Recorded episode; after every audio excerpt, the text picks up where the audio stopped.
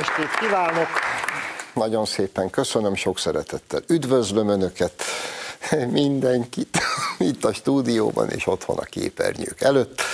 Nagyon sok megbeszélni valónk van, úgyhogy nem is húzom az időt. Egy eh, bejátszóval fogunk kezdeni, amelyet rengetegszer láttunk, itt a műsorban is többször megnéztük már, és jókat kacagtunk rajta, és mindenfélét gondoltunk, leginkább azt, hogy a felvételen látható idős úr, hát az bizony demens, és nem tudja, hogy hol van. Nézzük csak meg újra akkor ezt a bejátszót. America. God bless you all.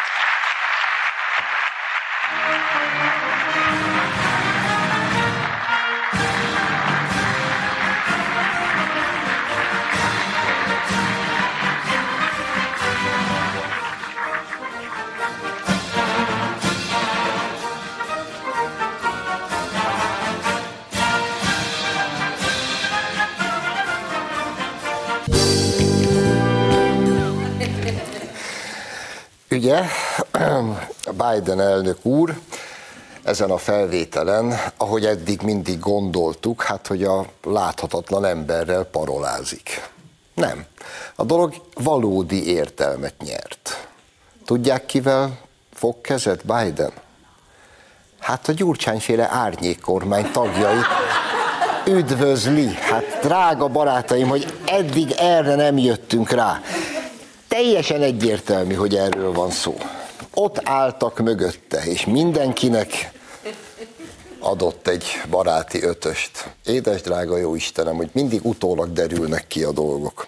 Egyébként, hogy a hol is tart a liberális baloldali sajtó, érdekességképpen azért ezt muszáj volt elhoznom, nektek erre a hétre.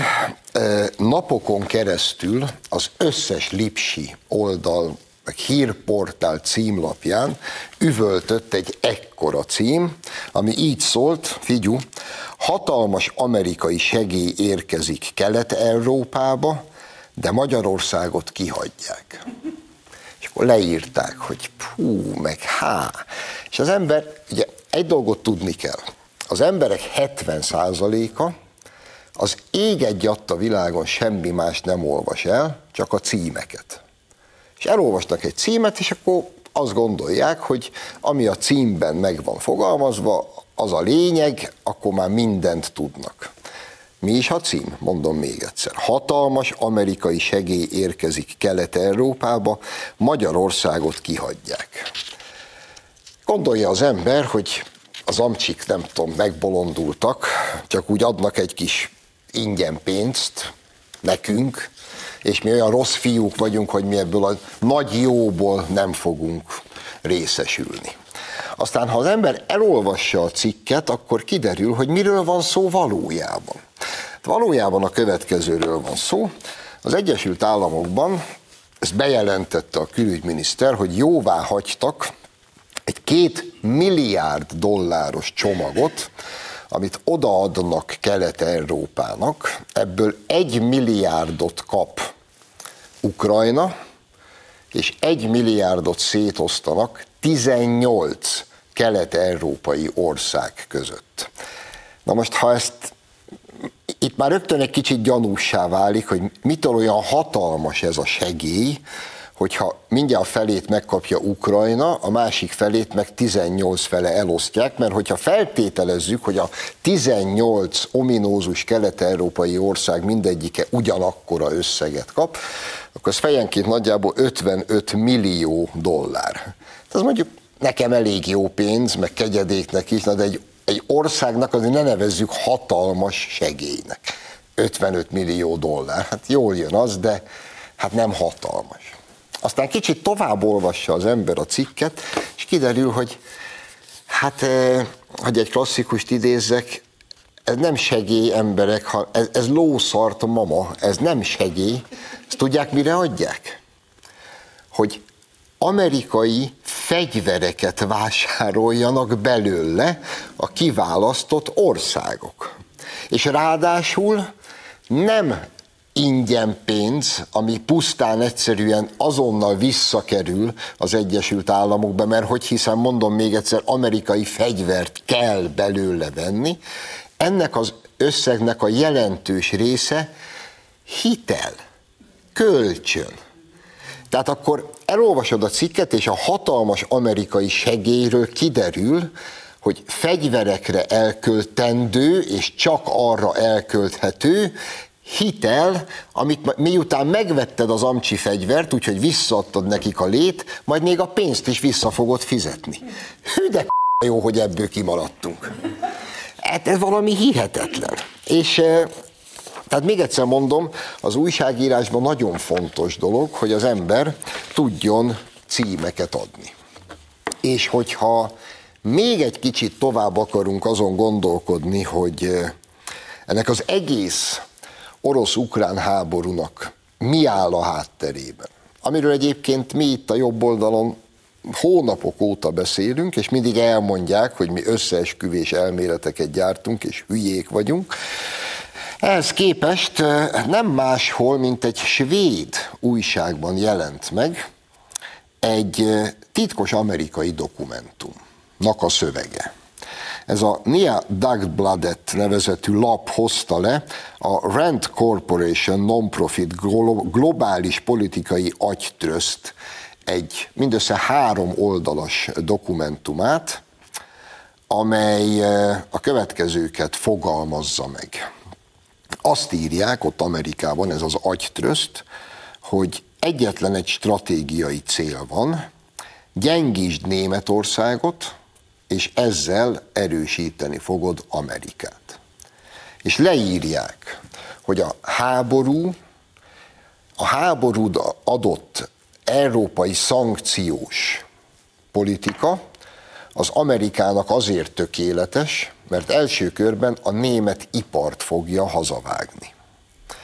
Óriási munkanélküliség lesz Németországban, hiszen bezárnak első körben a nagy energiaigényű gyárak, a vegyipartól kezdve az autógyártásig, lesz körülbelül fél millió munkanélküli, a német ipar megrodjan, ha a német ipar megrodjan, az magával rántja az egész európai gazdaságot, és a munkanélküliek elsősorban a jól képzettek, azok mit fognak csinálni? Majd kivándorolnak az Egyesült Államokba.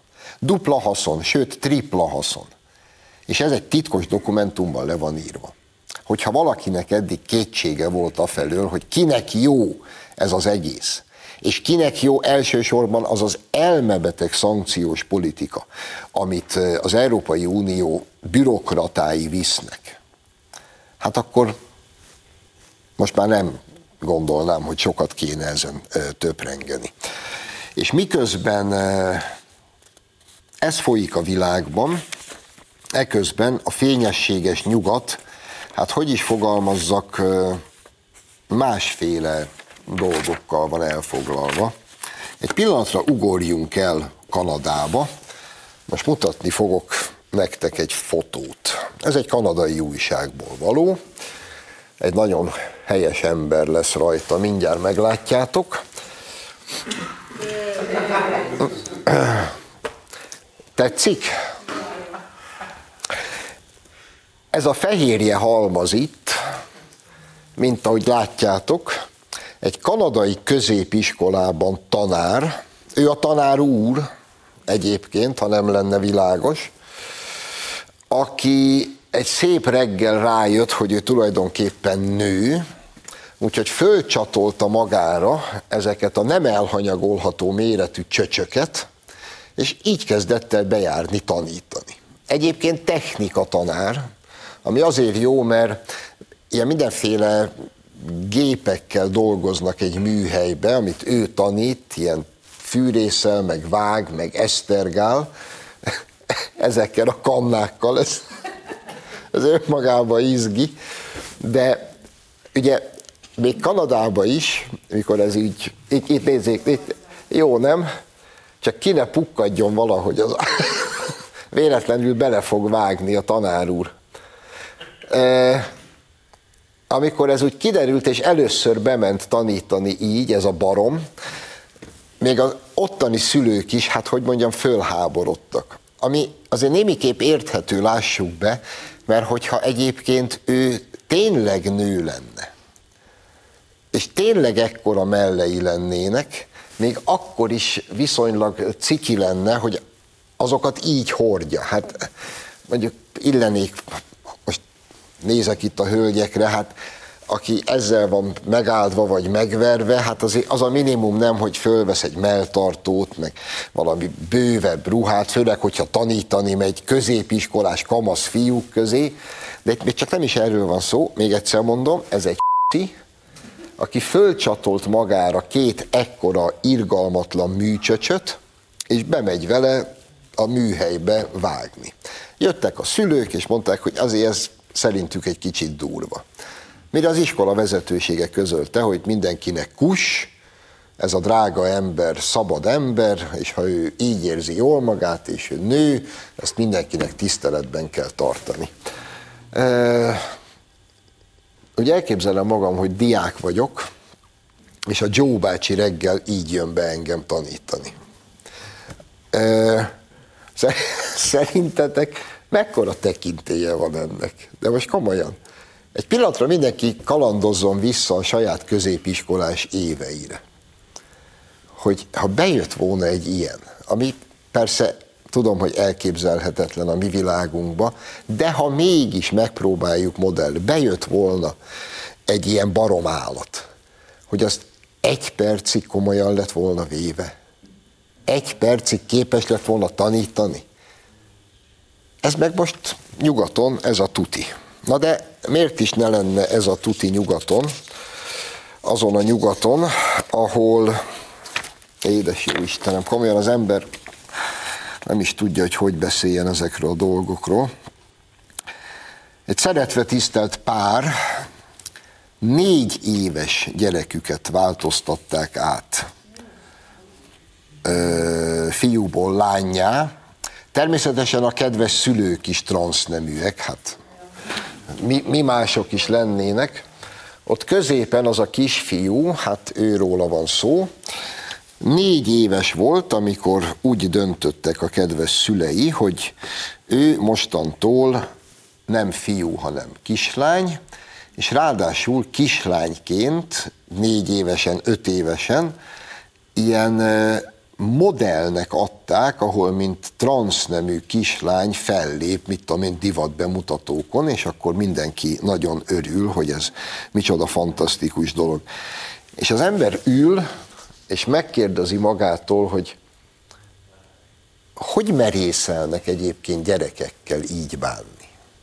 Hogyan, hogyan lehetséges az, hogy ezt egyébként bárhol ezen a nyomorult, istenverte, átkozott nyugaton, ezt meg lehet tenni következmények nélkül. És nem, hogy meg lehet tenni következmények nélkül, hanem ennek az egész nyugati elme háborodott világ tapsol. És, és, és képesek azt mondani, hogy, hogy ez lenne a szabadság.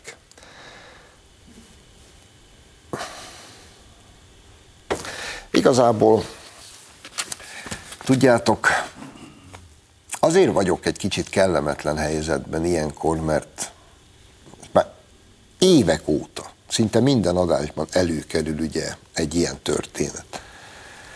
És az ember azon túl, hogy ezt a szekunder szégyent érzi, hogy nem, tehát mi szégyeljük magunkat, hogy ez, ez hogyan lehetséges. És nem is tudsz mást, mint saját magadat ismételgetni minden ilyen eset kapcsán. És már nem csak a történés miatt érzed ezt a szekunder szégyent, hanem már azt szégyeled, hogy mindig ugyanazt kell elmondjad. És egyébként teljesen feleslegesen. Mindig el kell mondjad, most megint példálózzak az ember tragédiájával, vagy bármivel. Minek? Hiszen megváltoztatni ezt a világot úgy sem tudjuk. Egyetlen egy reménységünk van és maradt, hogy arra viszont talán van elég erőnk és kitartásunk, hogy ezt ne engedjük be a saját hazánkba. És és nem pusztán azért hozom hétről hétre ezeket a híreket nyugatról, hogy itt jól elvigyorogjunk, meg elszörnyülködjünk, hanem az iszontató és hátborzongató példa vége. Hogy mindenki, aki ezt látja, újra és újra, ha kell hetente, gondolja végig, hogy, hogy, hogy mi lett a nyugat, ahova mi mindig is vágyakoztunk, és hogy mitől kell nekünk megóvni önmagunkat, meg leginkább a gyerekeinket. És megint, ha az imént azt kértem, hogy egy pillanatra gondoljatok vissza a saját középiskolás éveitekre, hogyha bejött volna egy ilyen szörnyetek tanítani, annak mi lett volna egyébként a sorsa. De akkor most egy pillanatra gondoljatok a saját gyerekeitekre, vagy unokáitokra, hogy el tudjátok képzelni, hogy a négy éves gyereketeket, vagy az unokátokat fiúból lányá varázsoljátok, vagy lányból fiúvá és ezt ennek tapsikoltok, és aztán a, a kifestett, kisminkelt, igen, mondjuk ki, négy-öt éves gyereket egy ilyen szexuális tárgyát tevő bábuként fölengedtek színpadra, hogy ott mutogassa magát. És egyébként, akik ott ülnek ott a színpad körül, mondjuk egy ilyen divat bemutatón, ennek tapsolnak. Ahelyett, hogy örjöngve kikérnék maguknak, hogy ezt hogyan merészelik megtenni. Na, drága barátaim, ez az, amitől a jó Isten óvjon meg bennünket. Na meg persze az, hogy itt hosszan értekeztünk ugye erről a magyarországi abortusz törvény módosításáról, ami egyébként az abortusz lényegét semmilyen módon nem érinti, ezt már megbeszéltük, meg jókat kacaráztunk, hogy a Amnesty International már nem írja le azt a szót, hogy nő, hanem teherbeesésre képes személy. Egy kedves nézőnk éppen elmesélte nekem adás előtt, hogy a adás után vásárolt valami boltba, és megütötte a fülét, hogy ott ketten rólam beszélnek, és hogy odafigyelt, hogy mit, és azon szörnyűködtek ott ketten az üzletben, nyilván nézték a műsoromat, derék komcsiként, és azon szörnyűködtek, hogy én átírtam a József Attila verset. Mert hogy a mama helyett azt írtam, hogy már egy hete csak a teherbeesésre képes személyemre gondolok mindig, meg megállva, és ez a két Isten barma megdumcsiszta, hogy micsoda szörnyűség, hogy én, én, én ilyenre átírom a József. Nem jutott el a tudatokig, hogy ugye ez egy irónia óhajtott lenni, Hál' Istennek itt mindenki értette, hát ők nem. És ők meg azért nem értették, mert nem akarták érteni, természetesen. Na de csak azért emlékeztem vissza erre a kis abortusz ügyre, mert hogy ugye miközben nálunk módosították ezt a törvényt pusztán annyiban, hogy, hogy az anya teljes mértékig és száz százalékig tisztában legyen vele, hogy egyébként egy életet próbál, vagy fog most kioltani, és ezért többek között a szívhangot meghallgatja. Azt is hozzátettem, hogy én az apával is meghallgattatnám, mert hozzák meg közösen mindezek ismeretében együtt ezt a felelős döntést. Ehhez képest nyugaton vannak helyek, ahol az abortusz az egy partikon ünneplik. Tehát házi bulikat rendeznek annak a nőnek, aki abortuszra készül, és egy hatalmas bulik keretében megünneplik, hogy jaj, de baromi jó. Ez nem vicc, ezt, ezt, ezt halálosan komolyan mondom. E, és ez a, ez a, az egész nyugati világnak megint csak az alfája és omegája, hogy e, egy élet kioltásából egy hatalmas önfelett parti lesz. Hogy nehogy szegény anyuka egy pillanatra is rosszul érezze magát. Azért, mert ő éppen abortuszra készül. És itt az, ezen a, ugye az én testem, az én döntésem, vagy én választásom tartja ezt a feliratot, ez a szerencsétlen korunk hőse, ami persze rendben van, én ezt értem, na de ott mégiscsak egy másik életről van szó. az nem pusztán a te tested, te liba, hanem egy élet, amit te éppen el akarsz venni. És nem szent fazekaskodni kell, hogy most akkor ne éljünk szexuális életet, csak akkor, ha gyereket akarunk, ez ki akar ide-vissza, nem erről van szó. Na de hát ma már 60 féle módja van annak, hogy ne legyen az ember terhes. Hát aki eddig nem tud eljutni, azutána meg ne tartson táblákat, hogy az ő teste, meg az ő választása, aki ennyire ostoba barom. Na csak ennyit akartam volna elmondani. Rövid szünet után pedig Békés Márton, a 21. századi intézet igazgatója lesz a vendégünk. Ne menjenek messzire.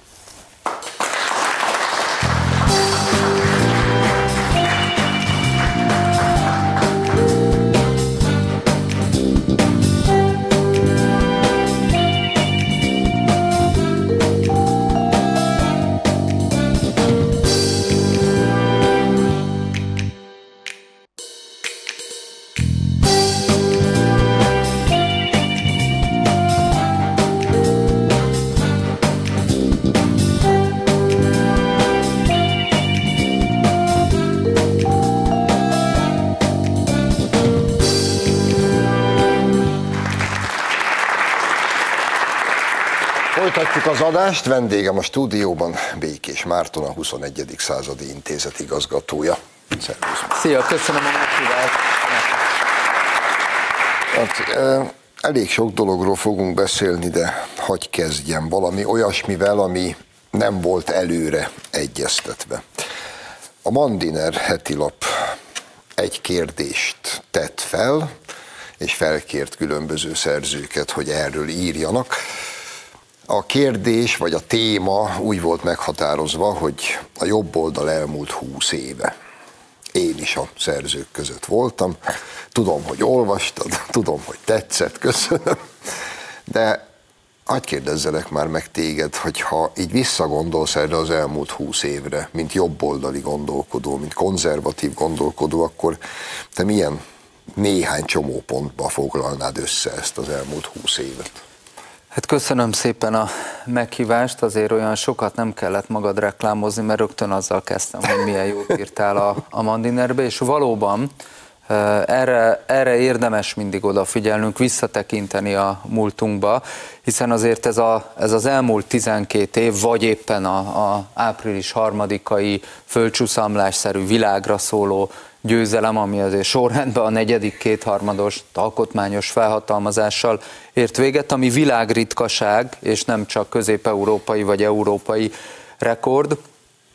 Ez valójában a megelőző 20 év kumulált eredménye, vagy beérése. Méghozzá a közösség megszervezése alapján történt ez. Ehhez kellett politikai tudás, kellett politikai tehetség és kellett politikai alázat. Ez a három, ami a magyar jobboldali közösségben, amelynek vezető ereje a Fidesz-KDNP, amelynek vezetője a magyar miniszterelnök, ez mind a három adott, de ez nem a semmiből keletkezett, nem a hangyák hordták össze, nem a szél fújta be az ajtónk alatt, de azért elég világosan ö, emlékszem arra, amikor 2000 kettő tavaszán a kollégium folyosóin kampányoltam, és és szülővárosomban is, Szombathelyen is plakátot ragasztottam, és elhúzott mellettünk egy fekete Mercedes, amelyből bőrkabátos aktivisták, szocialista aktivisták szálltak ki. Azért ez a fekete autó, amiből bőrkabátos szocialisták szállnak ki,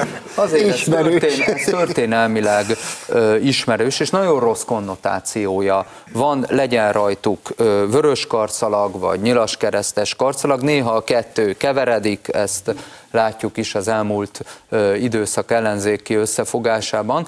Szóval kemény idők voltak, és mégiscsak az ezred fordulós polgári kormányzás folytatására készült lelkileg a jobboldali közösség. Én is így kampányoltam 2002-ben Szombathelyen is és Budapesten is, és aztán ebből jött egy, jött egy csúfos Nem mondom, hogy vereség. Egy olyan helyzet állt elő, amit miniszterelnök úr a dísztéren megfogalmazott, hiszen ott álltam, hallgattam, amikor azt mondta, hogy a, az élelmes második helyezett összefogott a, a, a, a harmadik helyezettel, és így cserélték le a, a győztest, hiszen név szerint a, a Fidesz nyerte meg a választást, hiszen valóban mindenki hozott magával még egy embert a második fordulóba. Ebben a lelki helyzetben álltunk neki építkezni, polgári körökkel, magyar demokratával, hírtelevízióval, Nyilván a, a Fidesz horizontális országos kiterjedésével, gazdakörökkel, keresztény értelmiségi szövetséggel, polgári piknikkel, Köcsén és Gesztenyéskerti nyilatkozattal, Fidesz-KDNP frakció szövetséggel, és aztán erre jött végül a 2004-es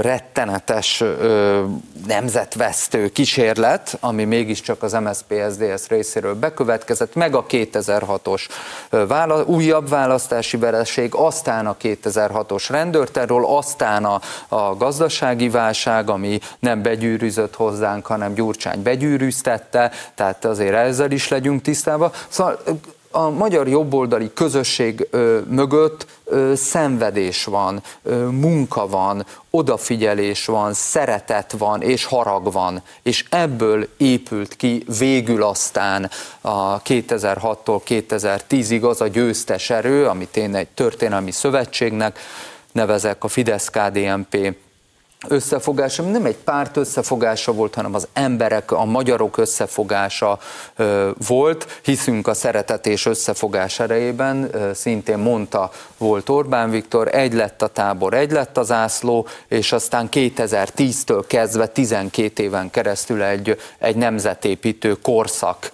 első 12 éve vagy bő évtizede indult, és hát bízunk benne, hogy a következő 8 évben ez tud folytatódni. És azért mondom a következő 8 évet, mert hogyha 2010-től 2030-ig egyben tud kormányozni a jobboldal, azzal még mindig a szintén 20 évig tartó posztkommunista korszak, a 90 és 2010-ig tartó időszaka még mindig csak egálba leszünk, és akkor hol van a kommunista rendszer 45 évének a meghaladás, úgyhogy nagyon sok a munka előttünk, de én azt gondolom, hogy ez a közösségelvű szervezés, ez, ez azért biztosítékot jelent a sikere.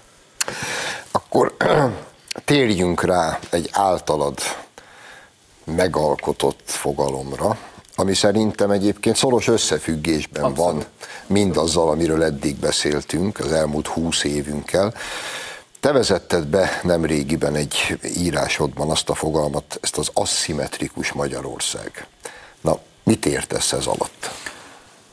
Mindig a, a hajlamos vagyok, nem biztos, hogy jó tulajdonság katonai szakirodalomhoz fordulni, hogyha a politikát tekintem át, és nem is a nyugati, hanem a keleti hadtudományi szakirodalomban, ami egyébként Magyarországon a 1600-as évek közepéig dívott, Zrínyi Miklós is egy keleti típusú hadtudós volt. Ők mindig arra gondolnak, keleten Szuncétől ezt lehetne végigvezetni, hogy a hadviselésbe aszimetriát, tehát egyenlőtlenséget kell előidézni, és ha ezek az egyenlőtlenségek összeállnak, és nagyméretűek lesznek, drámaiak lesznek, akkor a stratégiai aszimetriának hívjuk. Ha tudományban azt mondják, hogy 3M-ről beszélünk, van a mennyiség, katonák, fegyverek mennyisége, ugyanezeknek a minősége, és van a morál, hogy van-e harci erő. Én pedig azt mondom, hogy a politikában 3M, az 3S,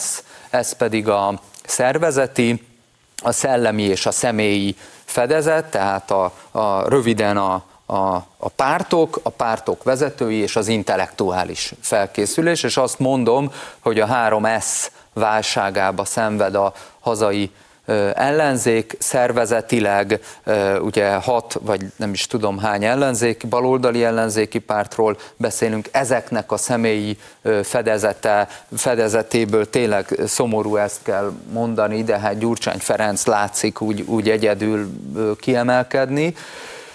És hát a szellemi erő az pedig valamikor 2006 körül már elszivárgott a baloldal mögött, ellentétben a jobb oldallal, ami szervezetileg, szellemileg és, és személyileg nem csak az elmúlt 12 évben, meg az elmúlt 20 évben, de valójában az elmúlt 32 évben egy felépülési szakaszba volt, és hát eh, a hazai ellenzék, eh, ami szerintem egy nemzetközi ellenzék, én hajlamos vagyok magyarországi baloldalnak hívni őket, és a nemzeti kormányzás közötti különbség az drámai, és erre használom azt, hogy egy stratégiai aszimetria alakult ki. A javaslatom az, hogy őrizzük meg ezt az állapotot, meg a józan eszünket is.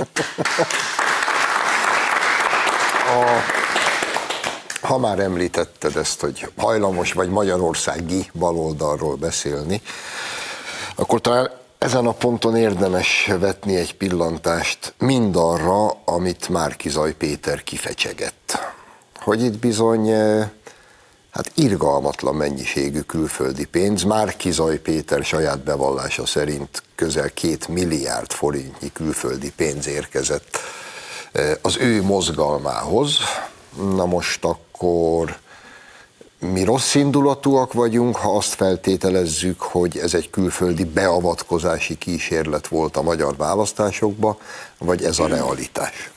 Ugye józanészről beszéltem előbb, és hogyha azt látom, hogy egy külföldi szervezet, amelynek a, a hátterében a nagy tőkétől a CIA-n keresztül Soros Györgyig mindenki ott van, és nem tudom, hogy a nagy tőke, a CIA és Soros György ez valójában nem ugyanaz-e, és nem egyetlen egy konglomerátumot képez. És ha azt látom, hogy ez megtolt egy hazai szervezetet, a Mindenki Magyarországáért mozgalmat és Márkizaj Pétert két milliárddal, egyébként dollárban, két milliárd, érték, két milliárd forint értékű amerikai dollárral, ha ezt nem nevezem a választásokba történt közvetlen, nyílt és mélységi beavatkozásnak, akkor nem tudom, hogy mi számítana annak. Az egy másik kérdés, hogy azért a, az amerikai Egyesült Államok titkosszolgálatának hosszú-hosszú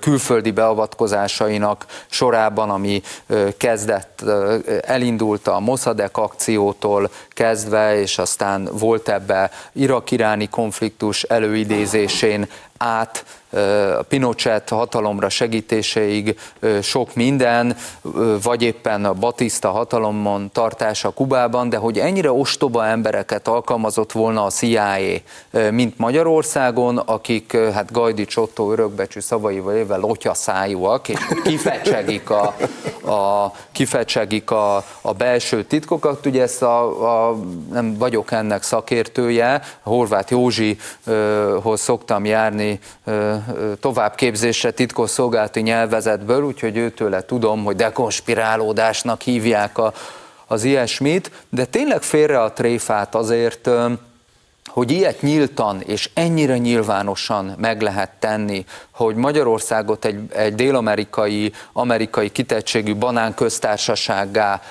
igyekeztek degradálni, hogy itt tulajdonképpen bajnai környezetéből, ugye Korányi Dávidról beszélek, aki hát hirtelen Karácsony Gergelynek lett a a város, nemzetközi várospolitikai tanácsadója, de nem Magyarországon, hanem New Yorkban él egy szupermodell társaságában, szóval ez, ez egészen olyan, mintha rejtő jenői lapok megelevendnének. Szomorú vagyok, hogy ennyire nem vesz minket komolyan a CIA, mert azért ennél komolyabb embereket is lehetett volna ide delegálni, viszont a magyar választóknak a, a bölcsessége az azt hiszem, hogy felülmúlhatatlan, mert ők ezt a játékot komolyan vették. Komolyan lett véve az, hogy nem lépünk be háborúba, nem eszkalálunk háborút, nem küldünk katonát, viszont mindenkinek segítünk, aki onnan elmenekül, igyekszünk békét teremteni, igyekszünk fenntartani az elmúlt 12 évnek azt a bővítési pályáját, amit most éppen az Európai Unió szeretne bezárni előttünk, és ennek, ennek bizony az volt a, a fedezete, ennek az volt a, az volt a, a legközvetlenebb cselekménye, hogy hogy megmaradt a nemzeti kormányzás, és ezek a nemzetközi kalandorok, ezek a nagy tőkével kitömött szervezetek nem tudtak Magyarországon, hát mondjuk azt, hogy egy bársonyos államcsint végrehajtani, mert ez mégiscsak az lett volna. Akkor el is érkeztünk a következő csomóponthoz, ami szerintem fontos és mindenképpen megbeszélendő. Bár nyilván, amikor ki fogom mondani a szót, akkor a kedves közönség azonnal majd kacagni kezd. A szó így szól, árnyék kormány. Mondta. Ugyanakkor egy kicsit ezt vizsgáljuk meg azért komolyabban. Mondjuk onnan elindulva, hogy magának a fogalomnak, meg ennek az egész létező entitásnak, mint árnyék kormány, ennek mondjuk Nagy-Britániában van hát minden, minden Westminsteri típusú. Pontosan. Van relevanciája, ez egy, ez egy létező ö, dolog. Mennyiben, ö, mennyire vegyük komolyan, vagy próbáljuk meg komolyan venni ezt a magyarországi árnyékkormányt, tekinthetjük-e ezt valamiféle valós ellenzéki kísérletnek, ami arra irányul, hogy valamiféle alternatívát nyújtson a 12 éve kormányzó jobboldali pártszövetséggel szemben, avagy B, itt semmi másról nincs szó, mint hogy a Gyurcsány Ferenc vezette DK, és Gyurcsány Ferenc előtérbe tolva saját maga helyett a saját feleségét, a saját hat vagy hét pártból, pártocskából álló egykor volt párt szövetségének megüzente, ezzel az árnyék kormányjal, hogy nagy gyerekek nektek coki, az összefogásnak vége, itt egyetlen értelmezhető, ahogy te is már mondtad, hogy úgy fogalmazta, hogy Gyurcsány emelkedik ki ebből a konglomerátumból. Szóval, hogy itt egyetlen értelmezhető ellenzéki erő van, az mi vagyunk, ti nem számítotok, veletek gyakorlatilag leszámoltunk, a jövőben nem óhajtunk együttműködni, vagy beálltok mögénk, vagy nem. Most ennek az árnyékormánynak melyik a, a valós ö, háttere, és részemről most ez a kérdés nem álnaív, bár nem feltételezek ennyi stratégiát ö, a Gyurcsány vezette DK-tól, de hát ha mégis. Hát ugye két lehetőség van, amikor az embernek igaza van, és akkor büszkén kidülleszti a mellét, és akkor örül, vagy a, a másik eset az, amikor legyintve azt mondja, hogy na ugye megmondtam. A Európai Uniós ö, orosz ellenes ö, szankciók válságba tasi, taszítanak minket. Ugye, megmondtuk. Az ellenzék legerősebb embere ö, Gyurcsány Ferenc. Ugye, megmondtuk. A magyarországi ellenzék mögött egy jól szervezett globális amerikai irányítású NGO struktúra van, ami pénzt folyat oda ugye megmondtuk. Tehát kellemetlen érzés, amikor az embernek ennyiszer igaza van, már pedig a hazai jobboldali közösségnek rendre ezekbe a kérdésekbe igaza volt. Azért volt igaza, mert mi a szuverenitást, a nemzeti függetlenséget és egyébként a nemzeti büszkeséget tekintjük elsődlegesnek, ahogy a, a kormányzó pártszövetség jelszava mondja, hogy nekünk Magyarország az első. Ebből az következik, hogy ez a zsinórmérték mérce alapján többször van igazunk. És itt ez a legkellemetlenebb helyzet, amit most kiemeltél Gyurcsány Ferenc, nem a politikai tehetsége, tudom, tisztán látása, pláne nem politikai erkölcsei miatt emelkedik ki a saját mezőnyéből, hanem azért, mert a többi még nála is mondjuk az, hogy silányabb minőségű. Az viszont látszik, és ismét félre a tréfát. Gyurcsány Ferenc politikai csoportja képes volt annyi humán erőforrást kiállítani, hogy abból egy árnyék kormány, amiben azt hiszem, hogy igazságügyminiszter tehát nincsen, ki tud állítani. Az összes többi ö, baloldali dirib darab ö, párt szerintem egy kerületi ö, pártszervezetet nem tudna kiállítani. Vagyis Gyurcsány Ferenc részéről történik egy, egy szívó erő a MSZP-ből, a régi balliberális értelmiségi gárdából magához tudta vonni és magába tudta szívni ezeket a, az aktorokat, így tudta túlnőni a, a többi pártot, és egészen egyértelmű, hogy a többi baloldali párt ennek az árnyék kormánynak az árnyék ellenzéke tud legfőjebb lenni, ami hát egy ilyen nagyon meta helyzet, kicsit követhetetlen,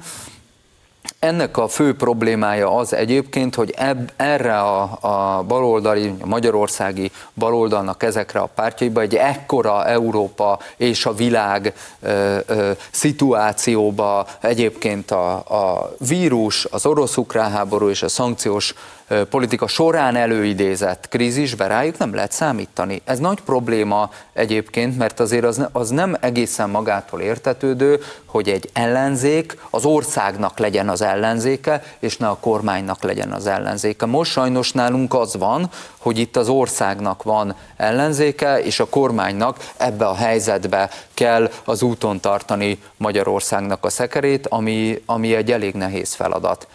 Ebbe a helyzetbe jön be Gyurcsány Ferenc, és így van, ahogy mondod, igyekszik demonstrálni a baloldali ellenzéki pártok felé azt, amit mi régen tudunk, hogy ő itt az egyetlen erős fiú az ő térfelükön, az ő pályájukon. Tehát ez az árnyék kormány, ez nem a magyar ö, ö, alkotmányos demokrácia ö, helyzetéről szól, hanem természetesen egy, egy ö, szektaharc, egy, egy belharc a baloldali térfélen.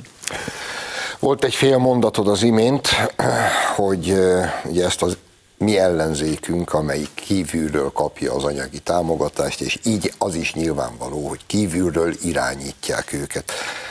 Másfél percünk van, de muszáj megkérdeznem. Nem gondolod, hogy ugyanez az állítás igaz ma a teljes brüsszeli bürokráciára is? És gondolok, csak a szankciókat vegyük egy négy elemis gyerek látja, hogy a szankciók kizárólag Európának ártanak. Sőt, a Wall Street Journal megírta, hogy a szankciók nyomán csak egy állam profitál, az az amerikai Egyesült Államok. Ehhez képest nem tűnik úgy, hogy bárki változtatni szeretne ezen az unió bürokráciája is amerikai árszalagján van? És annyit pofáztam, hogy már csak egy percet van válaszol. Rövid választ akartál? Igen. A 21. század intézet nemrégiben kiadta Molnár Tamás, a legnagyobb magyar katolikus gondolkodó, 1990-ben írott könyvét, franciául írta, magyarul kiadtuk 2022-ben, a jó filozófus mindig proféta, a könyvnek az a cím, hogy Európa zárójelben. Hát itt tartunk most. Marci, köszönöm szépen, köszönöm, hogy itt voltál. Önöknek köszönjük a megtisztelő figyelmet. Jövő héten a szokott időben várom Önöket. Minden jót, viszontlátásra!